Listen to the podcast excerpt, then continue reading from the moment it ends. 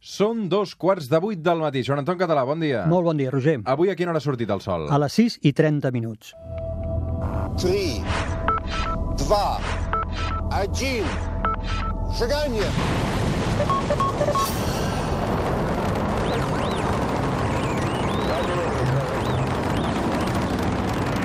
One small step for man,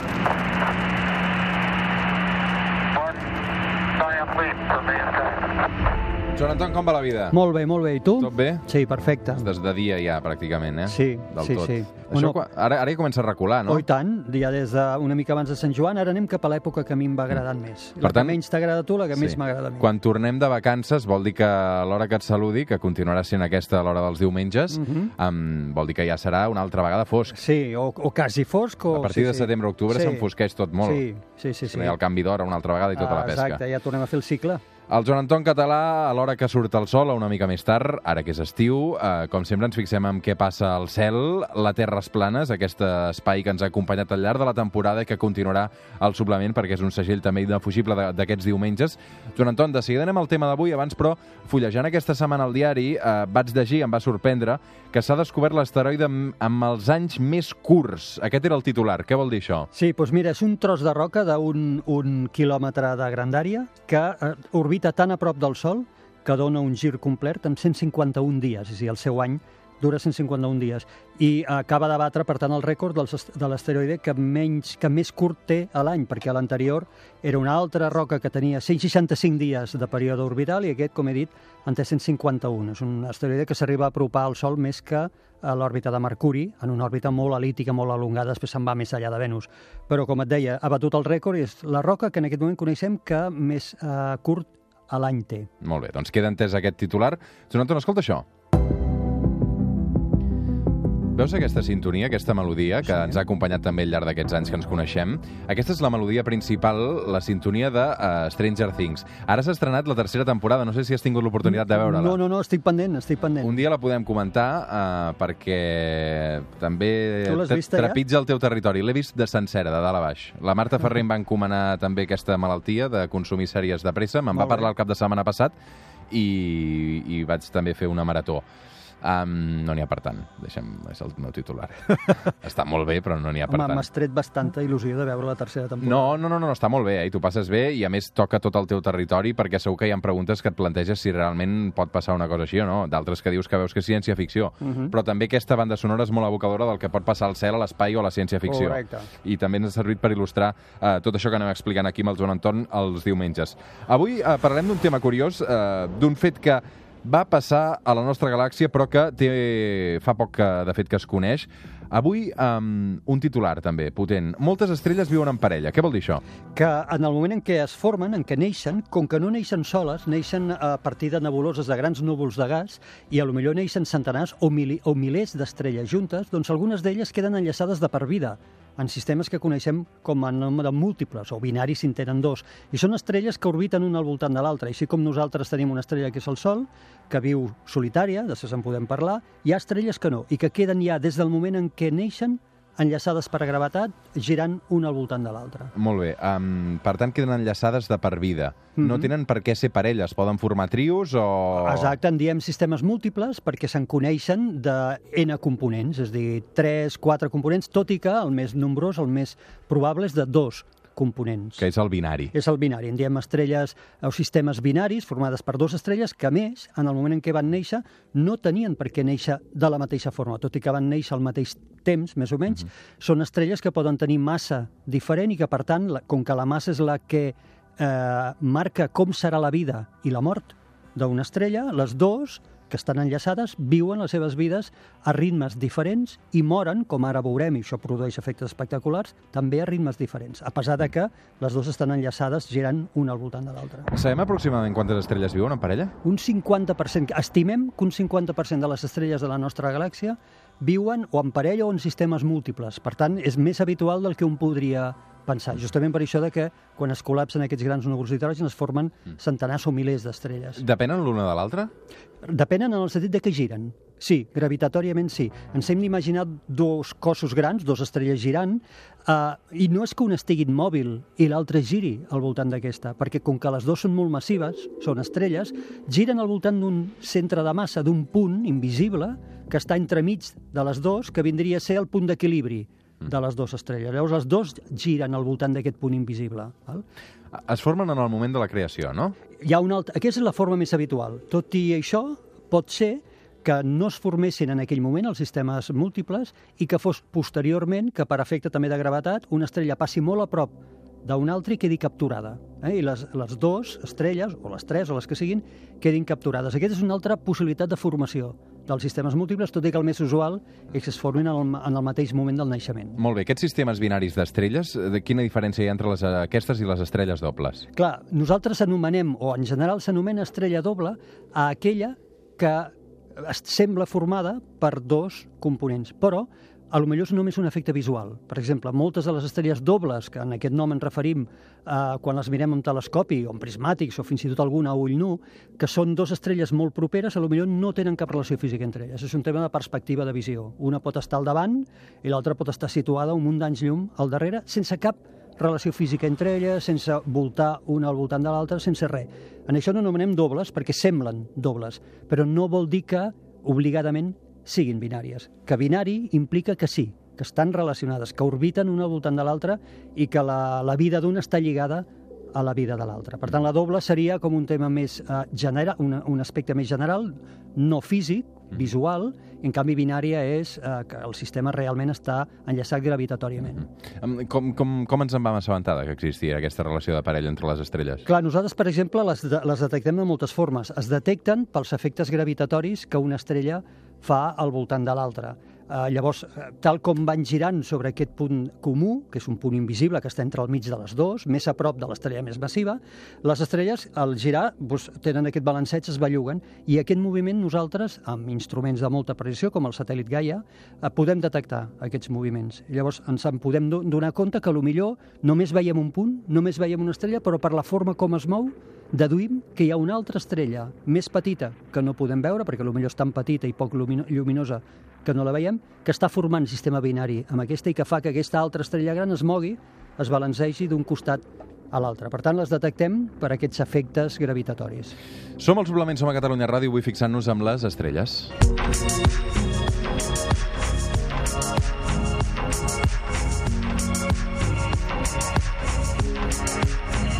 A veure, llegint tota la documentació que ens han preparat per fer aquest espai, um, ara hi ha una pregunta d'aquestes que et faig i que no entenc. Eh? Digues, digues. M'han dit que pregunti per les estrelles binàries eclipsants. Ah, fantàstic. fantàstic. Són molt xules. Mira, eh, ara t'has d'imaginar... Estrelles binàries eclipsants. eclipsants, que formen eclipsi. Per tant, t'has de mirar, t'has d'imaginar ara aquestes dues estrelles binàries que jo et deia que giren una voltant de l'altra, que també per efecte de casual perspectiva, vistes des de la Terra, una passi pel davant de l'altra. Tal com giren, una oculti a l'altra eh, vistes des de la Terra. Pues això és una variable, ai, és una, una binària eclipsant. Vol dir que de forma periòdica, quan una de l'estrella passi pel davant de l'altra, veurem que la llum del sistema baixa. I quan aquesta estrella ja acabi de passar i surti, la llum es recuperarà. Per tant, és una altra forma de detectar binàries, perquè veiem la llum del sistema caure, perquè recordo que, rec- recordo que a vegades només veiem un puntet, no les veiem les dues. Potser només veiem la llum agregada del sistema, un únic puntet, però llavors veiem la baixada de la llum que es recupera, torna a baixar al cap d'uns dies o d'unes hores, torna a recuperar-se, i així és com també descobrim que hi ha estrelles que binàries que estan col·locades per casualitat d'una forma determinada que des de la nostra perspectiva, des de la Terra, veiem com una passa al davant de l'altra, i això no anomenem eclipsants. Què és l'estrella al gol? Clar, l'estrella del Gol es coneix des de l'antiguitat. És una estrella visualment ataronjada que està a la constel·lació del Perse, de Perseu, que eh, s'anomenava l'estrella del Diable. Perquè... Tu, tu la veus en una nit clara. Sí, sí, sí, totalment. No té, no té... Si, si jo te l'ensenyo en un punter làser, has de saber on és, però la que te l'ensenyo es veu perfectament. Mm. Doncs aquesta estrella, que era coneguda des de l'antiguitat, ja els antics coneixien, veien que la llum de l'estrella variava al cap d'uns dies i li havien dit l'estrella del diable, del dimoni, perquè no entenien, entre el, la llum vermella que té o taronjada i aquest comportament no l'entenien. I avui sabem que és un exemple perfecte de, de la eclipsant, de la binària eclipsant. De fet, són tres estrelles en un sistema múltiple format per tres components, dos dels quals s'eclipsen entre ells, vistos des de la Terra. Llavors, cada dos, quasi cada 3 dies, 2, coma i pico dies, 2,8 dies, la llum del sistema baixa, perquè una estrella passa pel davant de l'altra. Nosaltres seguim veient un únic punt, només un puntet, però la llum baixa. I això ja era conegut des d'antic, tot i que no sabien que és el que provocava que la llum d'aquesta estrella quasi cada 3 dies caigués i després es tornés a recuperar. I avui sabem que és justament això, perquè és un sistema múltiple i una estrella passa pel davant de l'altra. I el lòbul de Roche? El lòbul de Roche és un concepte molt interessant pel que, pel que ara t'explicaré de com uh, de quins efectes tan espectaculars poden fer les binàries. Uh, en un sistema doble, o en un sistema binari, el, el lòbul de Roche és l'àrea al costat d'una d'una estrella que si tu t'apropes i entres dintre d'aquesta zona, ets atret eh, sense pietat per la gravetat d'aquesta estrella. No te'n pots escapar. Per tant, seria com a l'àrea de domini on domina la gravetat d'aquella estrella sobre l'estrella companya. Per tant, com més massiva és una de les dues estrelles en un sistema binari, més gran, més estès és el seu lòbul de Roche, que vol dir que eh, qualsevol cosa que entri dintre d'aquell eh, part, d'aquella zona, serà atreta sense cap eh, solució cap a l'estrella. Uh -huh. Clar, Um, M'ho estàs complicant una mica, eh? no, perquè ara veuràs que, que quan t'expliqui que això del lòbul de Roche ho hem introduït perquè Sí. sí. explica una sèrie de qüestions que són extraordinàries dels sistemes aquests binaris. Perquè ara tu imagina't que les dues estrelles, que podrien ser dues estrelles normals, Sí. una d'elles ja ha mort,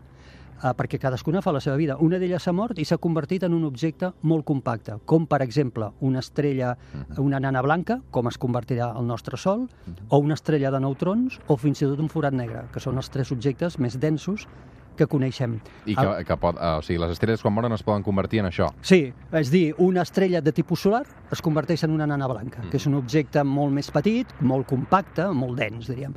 Però una estrella gegant, quan mor, eh, en forma de supernova, que alguna vegada n'hem parlat, es converteix o en una estrella de neutrons o en un forat negre. Llavors, tu ara imagina't un sistema que era binari, segueix sent binari, però que eren dues estrelles, però una d'elles ha mort. Tenim l'altra vídua. Exacte, i l'altra segueix sent una estrella, diríem, normal, Mm. però una de les companyes que ja ha mort ara és o una estrella de una nana blanca o una estrella de neutrons o un forat negre. Aquests objectes tan compactes, el seu mm, mm, regió de, de, de Roche està molt extesa, és molt gran.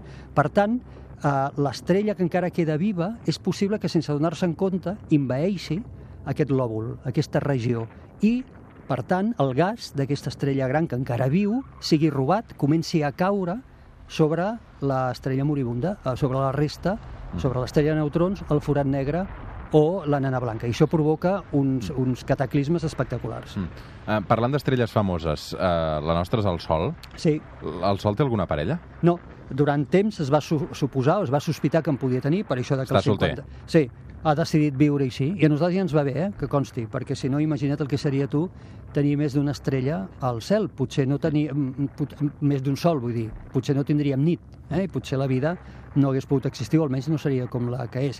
Durant un temps es va sospitar de que podria tenir una estrella companya que fos tan petita que no l'haguéssim encara detectat i se li va posar fins i tot el nom de Nèmesi, eh? esperant trobar-la en algun moment. Hi havia una colla de científics que proposaven de buscar-la i es va buscar durant parts de l'última part, sobretot meitat, última part del segle XX, i no s'ha trobat. Per tant, avui s'ha descartat qualsevol opció de que hi pugui haver una estrella petita amagada a prop del Sol, i sabem que el Sol és una de les altres 50% d'estrelles que han decidit viure soletes. Tu creus que la vida podria existir en un sistema binari que Clar, ens no ho has explicat? sabem. Eh, Clar, no ho sabem. Fixa't, és això que dèiem, mm, no tindríem...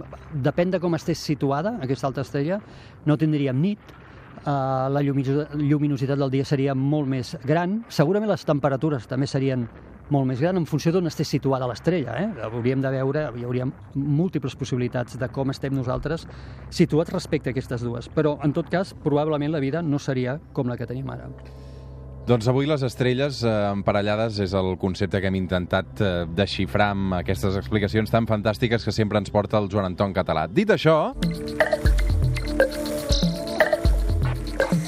Joan Anton, què hi passarà aquesta setmana al cel? Home, tenim una cosa que no te la pots perdre, Roger, perquè tenim un eclipsi parcial de lluna. Home, El dimarts. Mm. El dimarts tenim, dia 16, tenim un eclipsi parcial de lluna que començarà a les 10 de la nit aproximadament, visible perfectament des de Catalunya, i que la part més xula serà cap a dos quarts de 12, quan s'ocultarà el 70% aprox del disc de la lluna. Recordem que un eclipsi de lluna és quan la lluna plena, obligadament és plena, passa eh, per eh, dintre dintre del con d'ombra que projecta la Terra, és a dir, s'alineen Sol, Terra i Lluna. I llavors la Lluna entra dintre de la part d'ombra que projecta pel darrere la Terra. Llavors s'apaga, la Lluna s'apaga.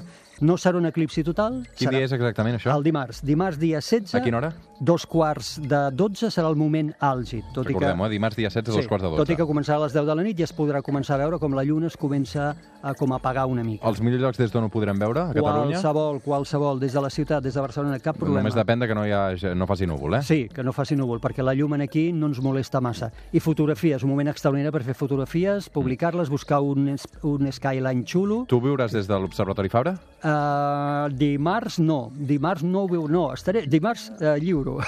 no, Recordem que és un dels ponents d'aquest estiu, Ah. aquests sopars amb estrelles que fa el Joan Anton Català a l'Observatori Fabra, amb aquest sopar amb estrelles, amb explicacions fantàstiques. Um, per tant, tu tens festa, ho viuràs des de... Per tant, sí, aprofitaré des per del fer teu telescopi particular. Ah, exacte, fer foto. Dit això, Joan Anton Català, Digui'm. això s'acaba, però Roger acabarem, acabarem, acabarem per la porta gran. Perquè tu saps que el dia 21, que és diumenge que ve, que és el nostre últim programa d'aquesta temporada, Mhm. tornarem al setembre, es compleixen 50 anys des que un senyor que es deia Neil Armstrong va trepitjar la Lluna. Sí, senyor, i un que es deia Bas Aldrin també. Aleshores, però el, el, el Buzz Aldrin va posar el peu? I tant, els, Però- dos, els dos van caminar. El que passa que un ho va fer abans que l'altre. Que hi ha, hi ha tela, les discussions que hi va haver entre, entre la NASA qui, i ells. Qui sortia a la foto, qui no, Ah, exacte. tota la pesca.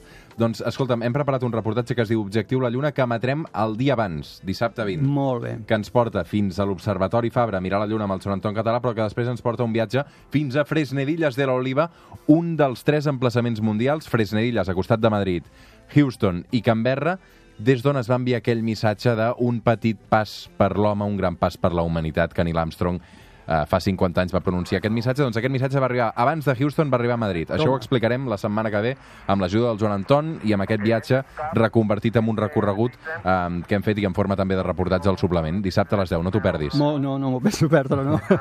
Joan Anton, moltes gràcies. Gràcies a tu. Fem una pausa i arrenquem aquest suplement de diumenge. Fins ara.